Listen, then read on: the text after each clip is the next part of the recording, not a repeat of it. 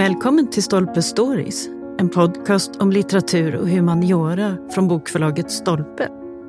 Vår värd för programmet heter Svante Tirén.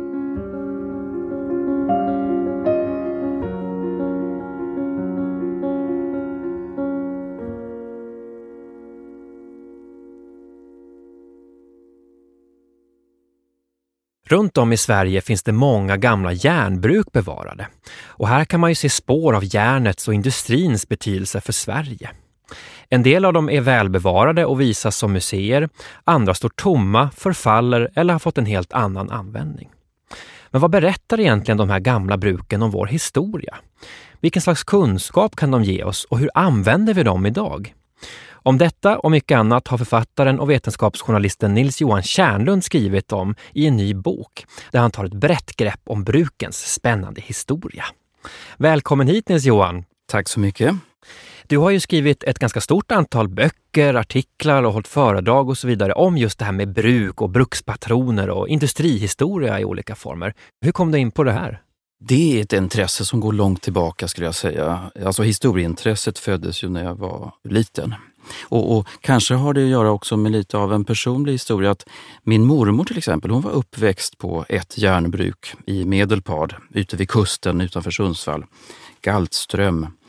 Så där var jag kanske redan i ja, 3, 4, 5 års åldern och promenerade runt med mormor. Hon visade de gamla suggestiva ruinerna av hyttan och hon berättade minnen.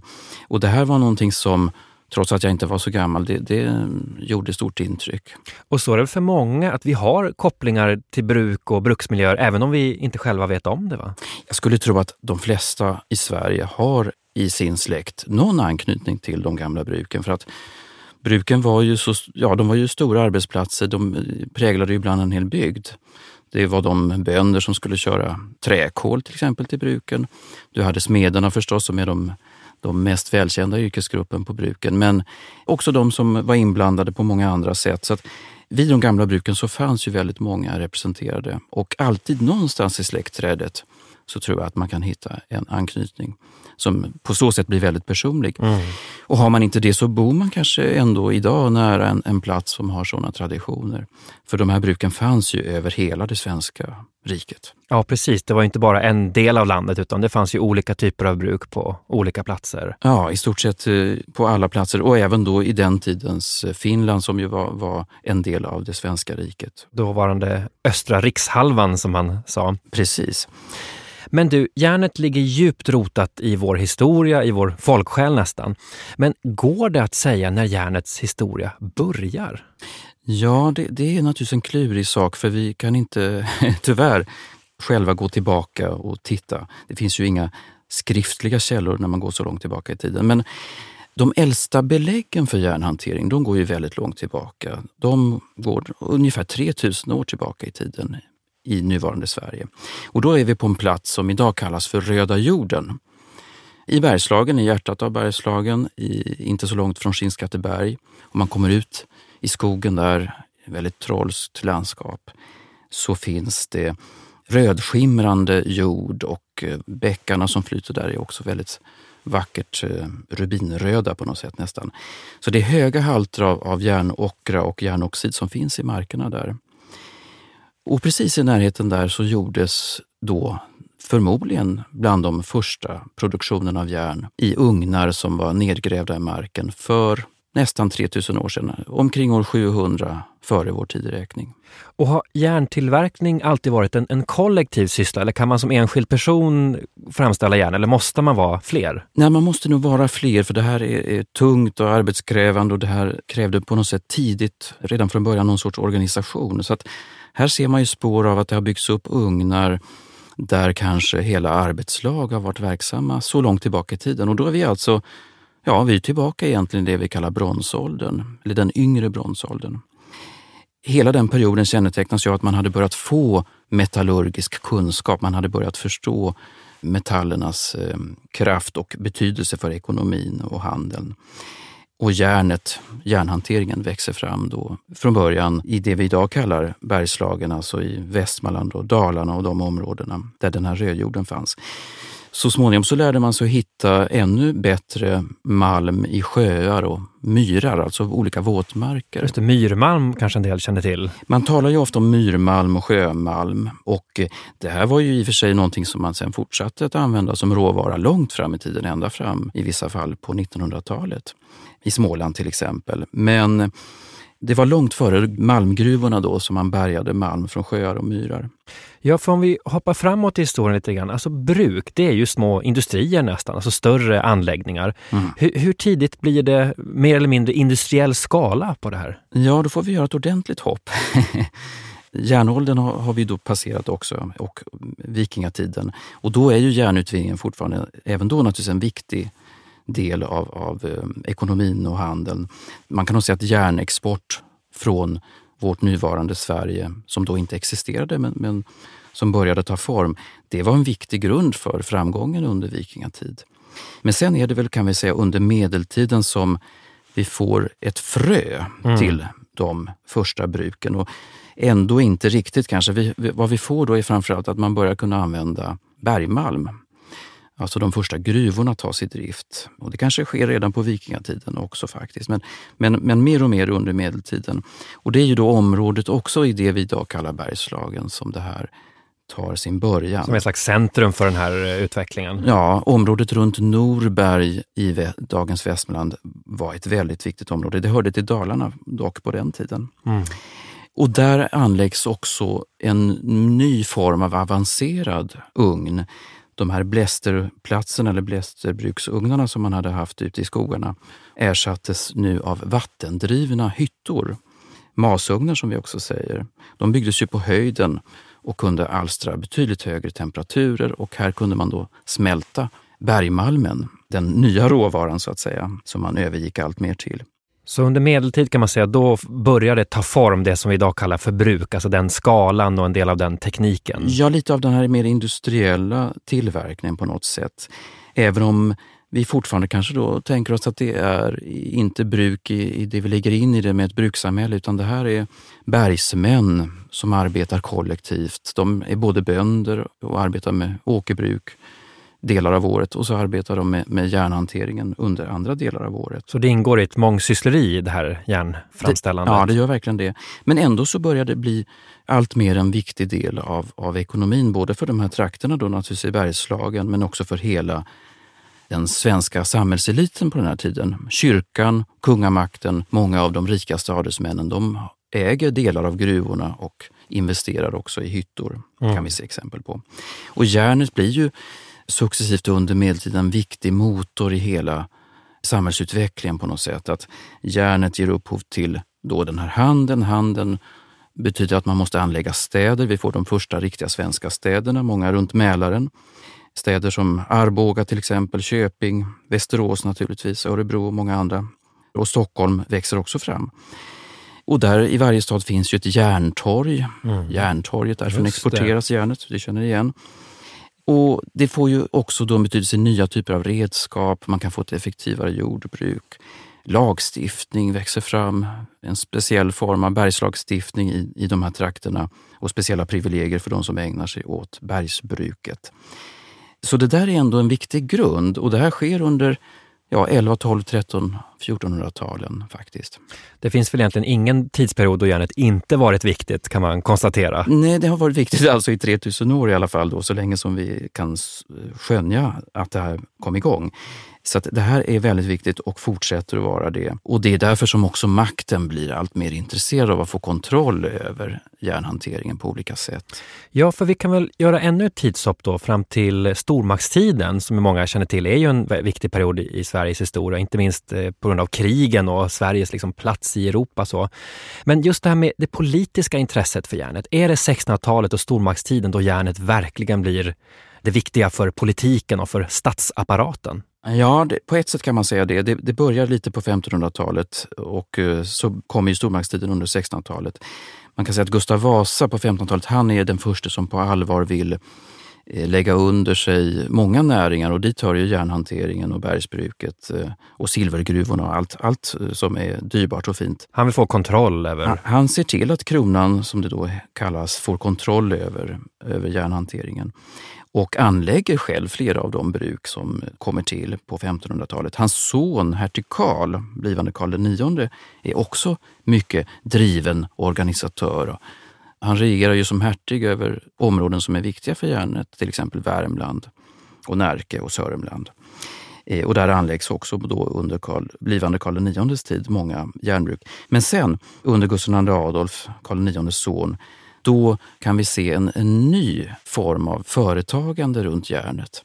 Och då kan man säga att eh, staten eller kronan släpper lite av sin kontroll.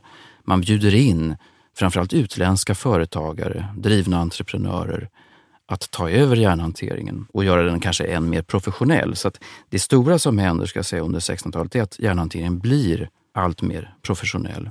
Och det är nu vallonerna kommer in i bilden? Nu kommer vallonerna in och eh, tyskar och holländare i strida strömmar. Alltså vi får må många människor med, med, expertis som kommer till Sverige. De bjuds ju in både av, av eh, kungligheter men också av, av de här företagarna. Och vi kan ju säga att några av de mest kända namnen är ju De Beers och De Geer. Särskilt då Louis De Geer var en banbrytare. Eh, han var ju egentligen en, en affärsman som var född i, i Liège och hade byggt upp ett handelshus i Amsterdam.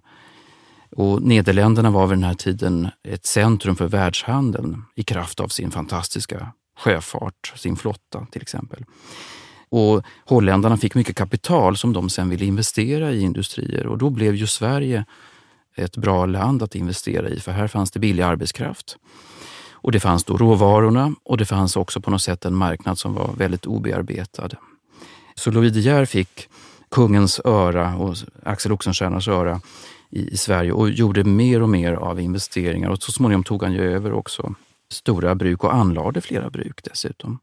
Och det är väl här också man kan säga att kriget kommer in. Alltså Sverige hade väl aldrig kunnat driva dessa krig utan ja, dels råvaran från järn och så vidare, men också världshandel, kontakter, resurser. Mm. 30-åriga kriget är ju det vi förknippar med, med stormaktstiden och att det går åt enorma resurser. Då gäller det naturligtvis för kungamakten att driva in skatter, att organisera riket bättre och bättre. Och eh, för att kunna göra det så krävs då de här företagarna på något sätt som organiserar industrin och ser till att eh, intäkterna flyter in till eh, statsmakterna i form av, av handel och skatter och tullar. Och sen kan man säga också rent konkret förstås att det behövs ju också en vapenindustri. Mm. Så även det, att kanongjuterier som finns på och andra platser, de växer i betydelse under 1600-talet.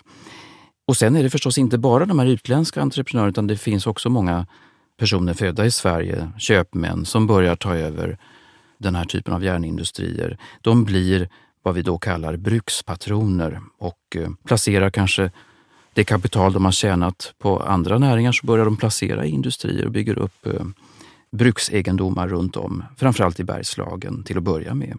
Så är det här ett mönster att har man byggt upp resurser, att man har ett handelshus eller någon annan näring i ryggen, då kan man börja investera i järnbruk? Mm. För det krävdes väldigt mycket pengar att bygga upp.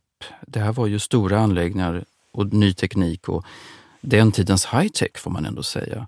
Så det här är inte bara för vem som helst att sätta igång, utan det krävdes alltså stort kapital. Och det var ju också ett riskfyllt, ofta, affärsföretag eftersom man var beroende av vädrets makter. Om det blev torka ett år, ja då kunde man inte driva hyttan, vattenhjulen stod stilla om ån eller bäcken hade sinat.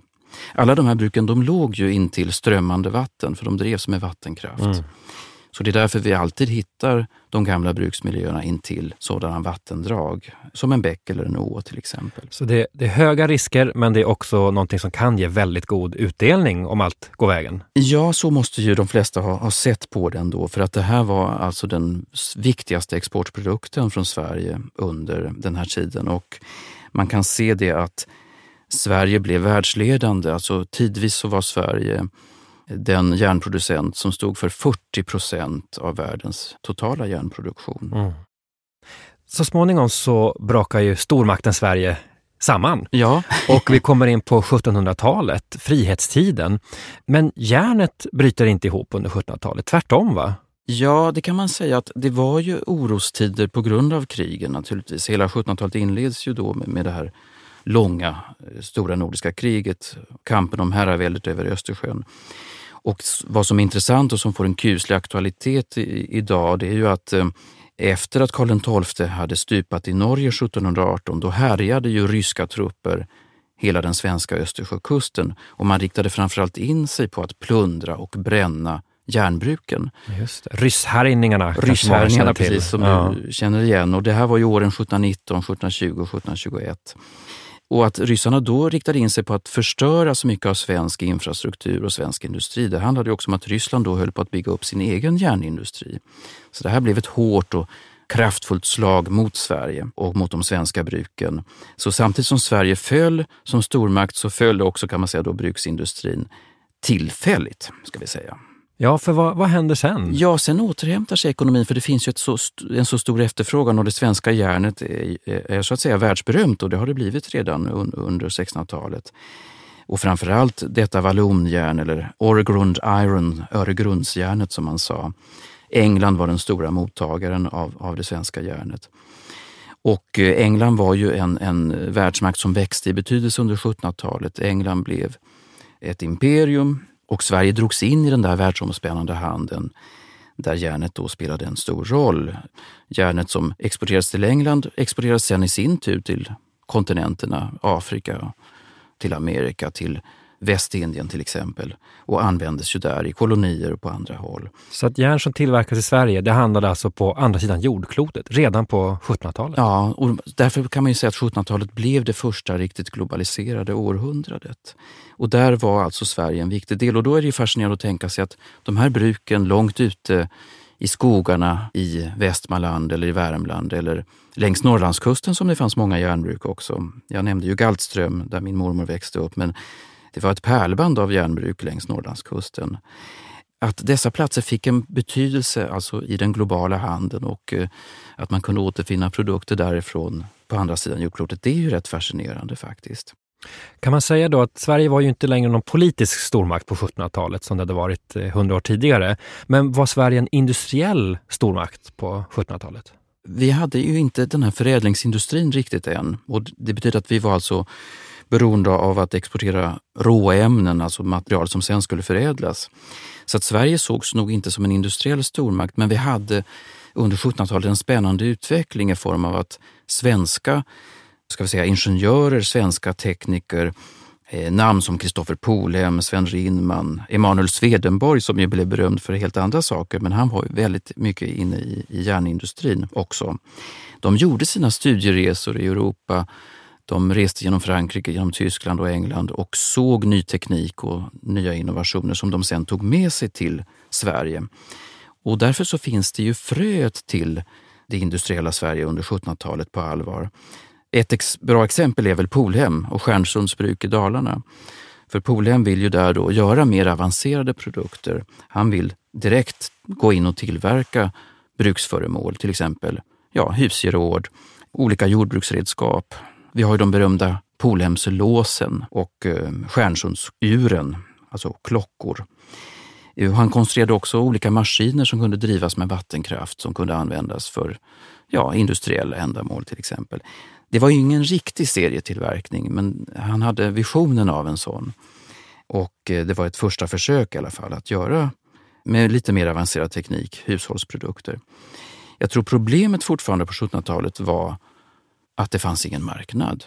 Det fanns inga köpare. Många i den svenska allmänheten de tillverkade och slöjdade sina egna föremål hemma på gården. Det var för liten ekonomi helt enkelt? Det var för liten ekonomi mm. i den typen av, av konsumtionsprodukter, som vi skulle kalla det idag kanske. Så att eh, på det viset så dröjer den här utvecklingen fortfarande då en bra bit. Och det, det är stångjärnet, det här råvaran som tillverkas fortfarande och som sen exporteras. Det är framförallt den som fortfarande är, är den viktiga produkten för bruken. Och Sen finns det lite andra regler som vi inte kanske kommer in på i detalj, men det fanns produktionstak. Och det var ju ett sätt för kronan eller staten då att reglera den här industrin. Man fick inte producera över ett visst tak och det gjorde att mycket av det kapital som ändå eh, tjänades in, det var brukspatronerna tvungna att lägga på andra saker än på industrin. Det var ingen idé att bygga ut Just det, det är kanske är viktigt att säga att det var alltså inte en, en fri marknad om vi säger, utan det var en ganska hårt reglerad marknad. Ja, det var en väldigt hårt reglerad marknad under 1700-talet fortfarande och därför så användes det här kapitalet till att bygga fantastiska bruksmiljöer istället. Herrgårdar, palats. Eh, vi har ju Skeppsbroadeln som är berömd under 1700-talet som bygger sina palats i nuvarande Gamla stan i Stockholm vid Skeppsbron och de hade också ofta då fantastiska herrgårdar ute vid bruken. Och de här anläggningarna kanske inte hade kommit till om man hade lagt pengarna istället på att kunna bygga ut eh, industriproduktionen. Så istället för att expandera och expandera så bygger man tjusiga hus helt enkelt? Ja, det, det kan man nog säga förenklat att det faktiskt var mycket av den utvecklingen under 1700-talet just beroende på de regler som gällde. Så att eh, med an, en annan syn på näringsfrihet så kanske svensk järnindustri hade avancerat mycket snabbare. Och eh, bara för att kort säga att även Norrland var ju hämmat, alltså Norrlandskusten, där rådde ju det som kallas bottniska handelstvånget. Från städer norr om Gävle fick man inte exportera direkt utan all handel måste ske via Stockholm. Så det var ju också någonting som förhindrade eller försenade mycket av industriutvecklingen mm. längre norrut. Strikt och reglerat helt enkelt. Strikt och reglerat, så att frihetstiden Den var inte så fri, var inte så trots fri, allt. kan man säga, på det sättet. Men du, på 1800-talet, då hände det grejer. Ja, alltså om vi tröskar oss igenom den här historien så 1800-talet är ju den riktigt fascinerande explosionen av, av utveckling eh, på många sätt och vis. För att då har man under 1700-talet haft eh, vetenskapliga och tekniska framsteg och, och, lite av frukten av det kan man börja skörda under 1800-talet. Samtidigt så utsätts Sverige också för en lite hårdare konkurrens. I England så börjar man tillverka mer och mer av, av järn själva med ny teknik och eh, det innebär att, att, Sverige måste på något sätt vässa sig och bli, bli ännu bättre.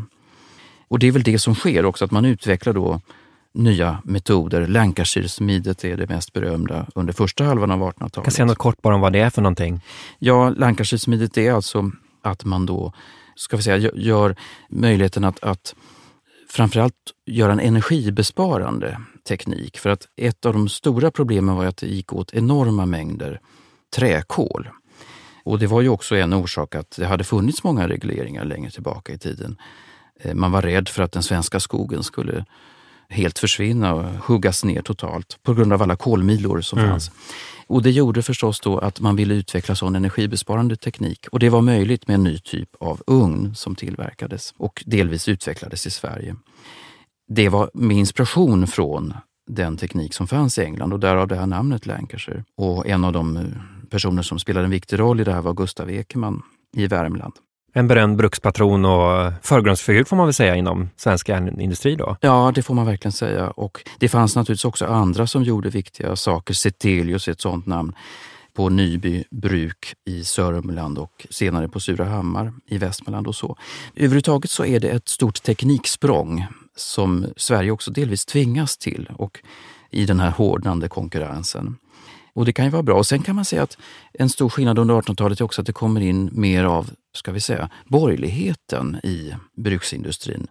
Tidigare var det många inom aristokratin, alltså högadeln och överhuvudtaget adliga familjer som ägde bruk och som kanske också ägnade sig åt jordbruk och helt andra åt sina gods. Man var inte koncentrerad enbart på järnindustrin bland alla egendomar som de ägde. Men det kommer en mer och mer specialiserat ägande kan man säga under 1800-talet med det som vi kallar då det bildade borgerskapet. Och vi ser framför oss kanske hur de sitter i sina bibliotek, bruksherrgårdarna och också ägnar sig mycket åt politiska diskussioner och filosofi och historia och eh, annat. Så att det här var en sorts bildad övre medelklass som också vill få allt mer att säga till om i det svenska samhället under 1800-talet. På 1800-talet så hände också en annan sak och det är det man kallar för bruksdöden.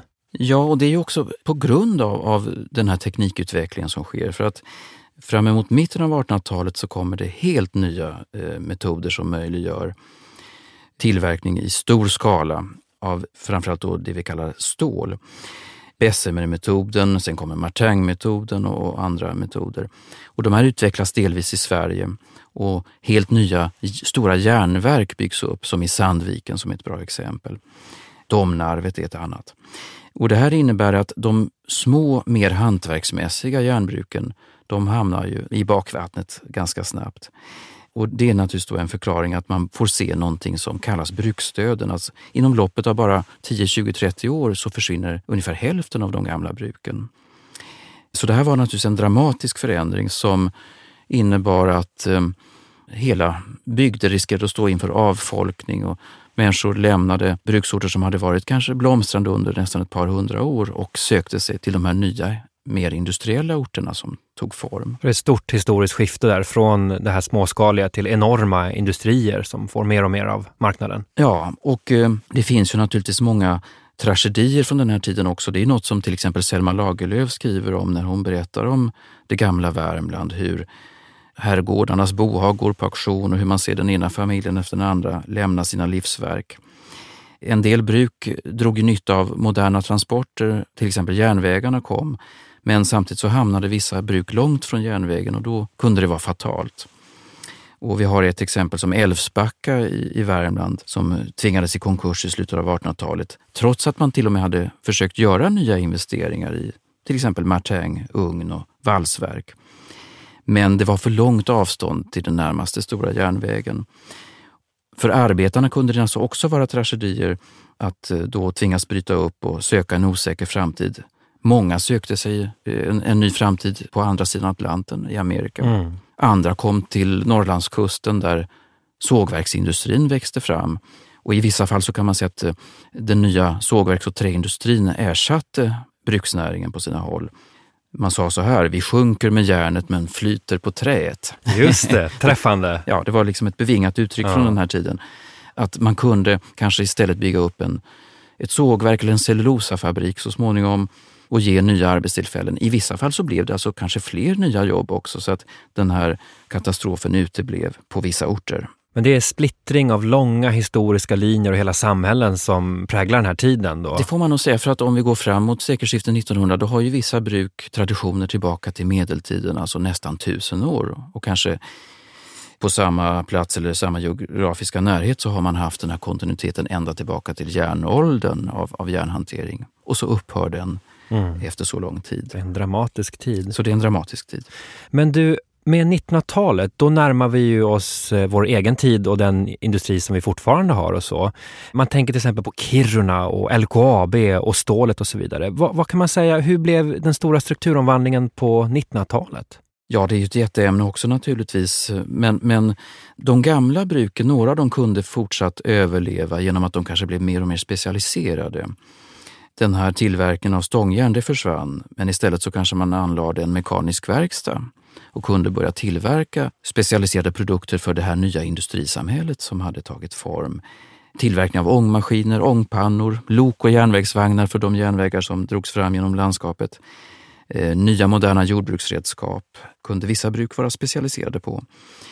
Bofors till exempel, det var ju ett mycket gammalt järnbruk från 1600-talet och hade ju levt och, och, tuffat på likt de flesta bruk. Men i slutet av 1800-talet så kommer Alfred Nobel och gör storskaliga investeringar i Bofors och omvandla det till en helt modern vapenindustri. Och då föds alltså vapenindustrin och på sätt och vis grunden till hela den svenska försvarsindustrin som vi har än idag. Man kan säga att delar av Bofors ingår i, i, i dagens Saab-grupp.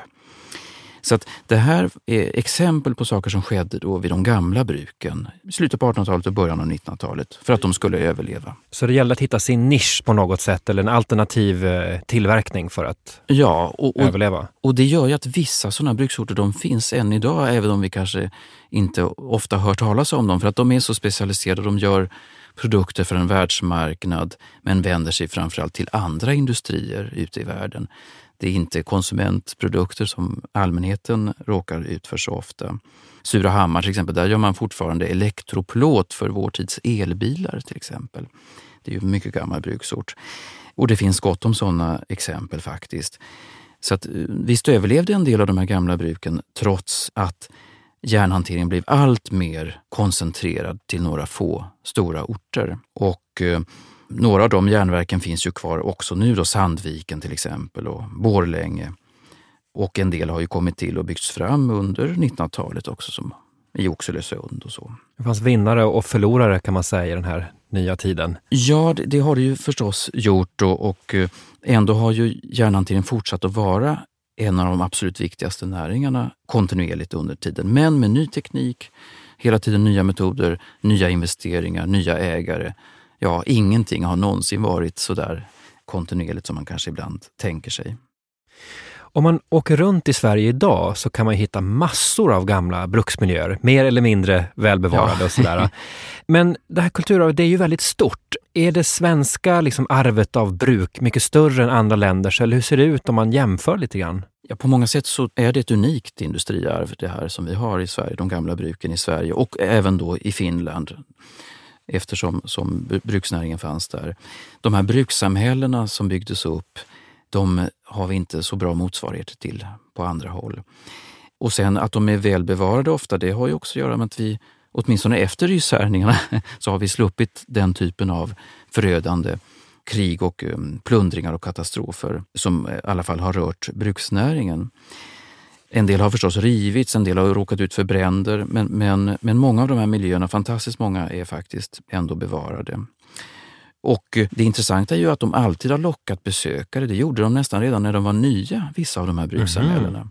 Alltså under 1700 och 1800-talen så var det många resenärer som hörde talas om de svenska bruken och som ville uppleva dem. Ernst Moritz Arndt, som var en, en historiker som hade tyska rötter men som också var svensk undersåte i dåvarande norra Tyskland som var en del av Sverige. Han besökte Österby i Uppland till exempel i början av 1800-talet och skriver att Österby är ett av de vackraste ställen i Sverige genom sin sköna park, stora sjöar, ängar, trädgårdar och alléer. Vad ska jag säga om byggnaderna, masugnarna, smedjorna, kolhusen och spannmålsmagasinen? Allt visar skönhet, varaktighet och rikedom. Jaha, så turistnäringen, det är inget nytt fenomen när det kommer till eh, bruken? Nej, på något sätt så de här orden av Ernst Moritz Arndt och andra resenärer, de visar att bruken var sevärdheter och man, man kunde läsa om dem i reseskildringar sen. I slutet av 1800-talet sen, då kom ju bruksstöden och då kom ju också kanske tanken på att de här miljöerna måste räddas för framtiden och bevaras. Och sen under början av 1900-talet så började man göra insatser för att bevara bruksanläggningarna. Då de blir kulturarv? Då blir de kulturarv för att de har varit levande industriarbetsplatser fram till dess.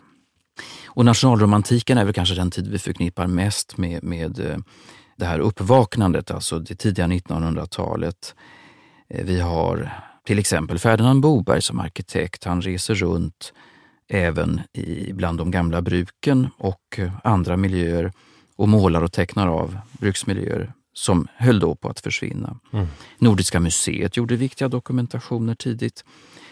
Och sen kan man säga att Tekniska museet i Stockholm kommer till mycket för att vårda och värna den här brukshistorien och dokumentera den. Men man förstod tidigt att järnets historia, det var en väldigt viktig del av vår, hela vår gemensamma historia. Ja, det var ryggraden för hela den svenska ekonomiska historien och, och mycket också av vår kulturhistoria.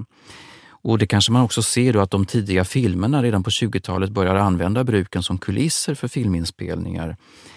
Gösta Berlings saga spelas ju in med Greta Garbo och då använder man sig förstås av bruksmiljöer. Inte i Värmland däremot, men på Forsmark till exempel i Uppland. Mm.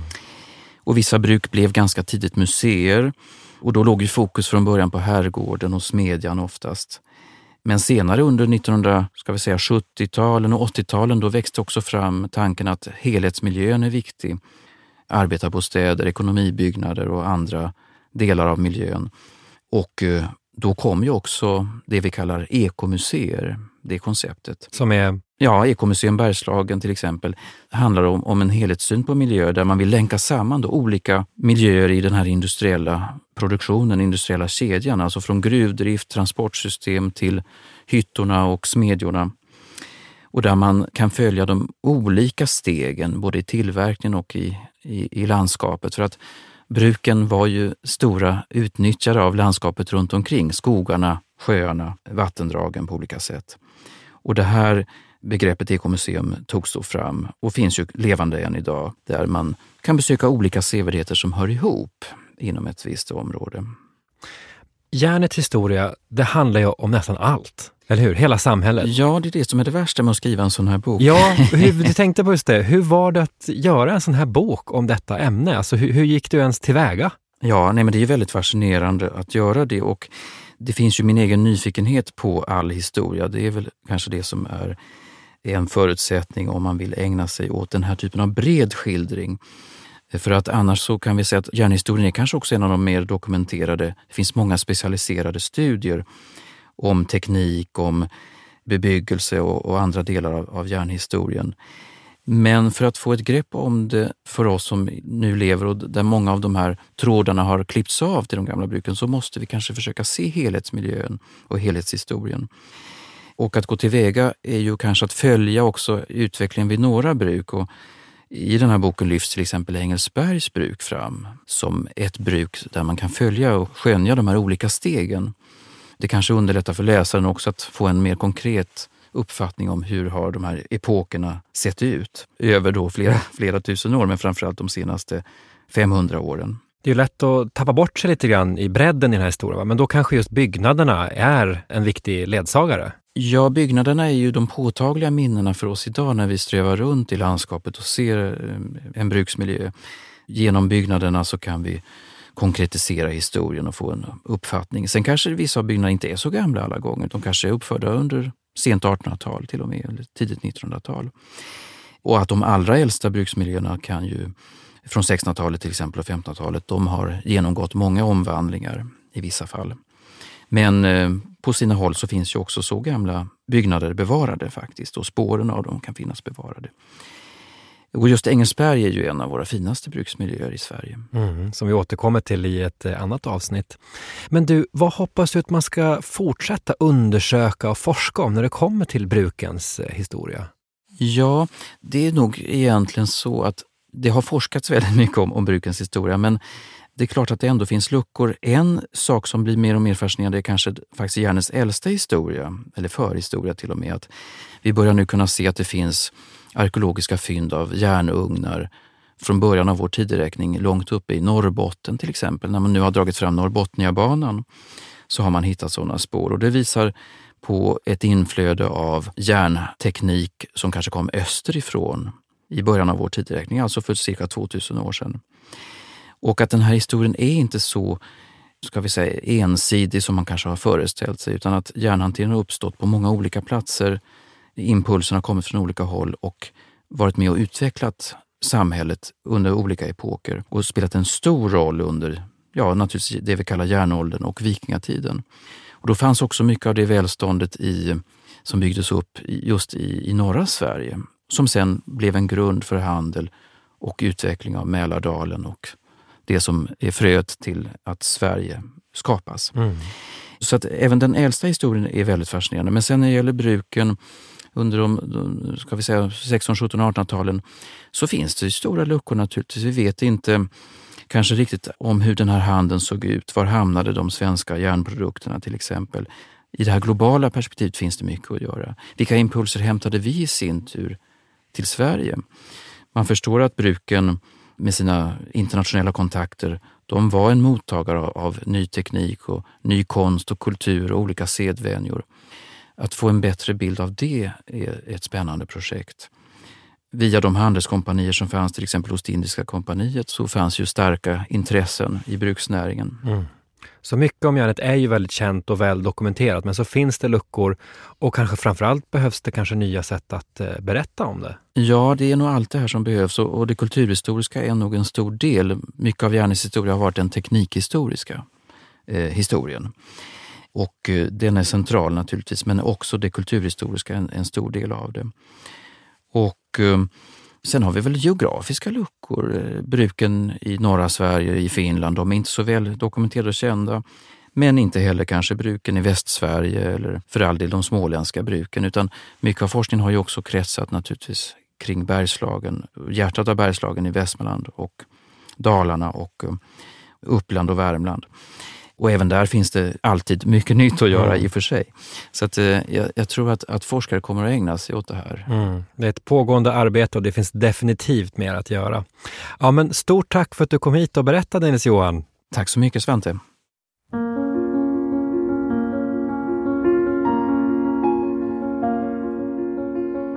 Tack för att du har lyssnat på Stolpe Stories. Missa inte att du som lyssnar har 20% rabatt på bokförlaget Stolpes titlar hos Bokus.com. Aktivera rabatten genom att ange koden STOLPE20. Och för att lyssna på fler avsnitt, följ oss där poddar finns och på sociala medier.